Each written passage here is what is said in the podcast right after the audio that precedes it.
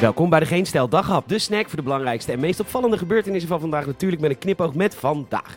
Meer mensen per woning, alcoholgate in Tokio en het weer is wel gewoon goed hoor. Mijn naam is Peter Bouwman, dit is de dag, zondag 1 augustus.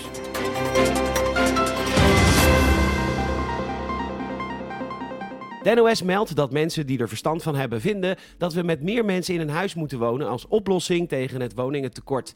Wat een top idee! Zo, leuk dat jullie komen kijken in dit prachtige huis. Ik ben Marcel. Je mag me makelaar Marcel noemen. maar dat hoeft natuurlijk niet hoor, want dat zou natuurlijk wel een beetje vreemd zijn. Nou, ik laat de woning even zien. Zo.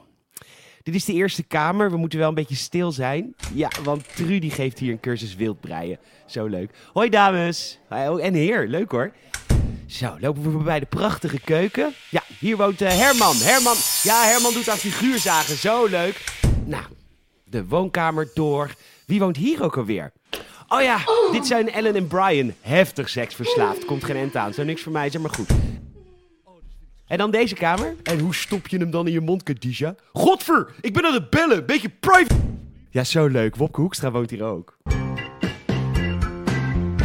De T meldt dat de organisatie van de Olympische Spelen een onderzoek doet naar een aantal sporters. Ze waren in een park betrapt met een groepje die alcohol aan het drinken was.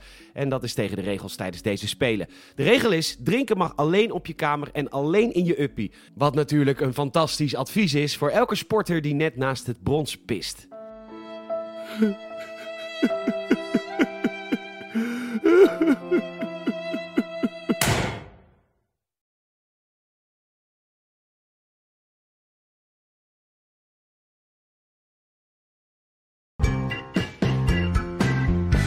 Dat geklaag en dat geknies moet maar eens afgelopen zijn volgens Weer Online. We hebben gewoon een gemiddelde temperatuur, een normale hoeveelheid zonneschijn. We zijn gewoon verwend. Het is prachtig, het is zomer zoals het bedoeld is in Nederland. Dus leef en geniet.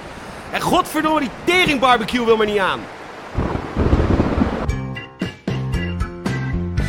Nu.nl meldt dat rapper Nelly en zijn vriendin na zes jaar hun relatie verbreken. Jezus. Wacht, wie? De Telegraaf meldt een prachtig protest in Zandvoort. Een stil protest tegen het doodknuppelen knuppelen van 6000 volwassen zeehonden en 60.000 pups in Namibië. Prachtig initiatief tegen die walgelijke praktijk.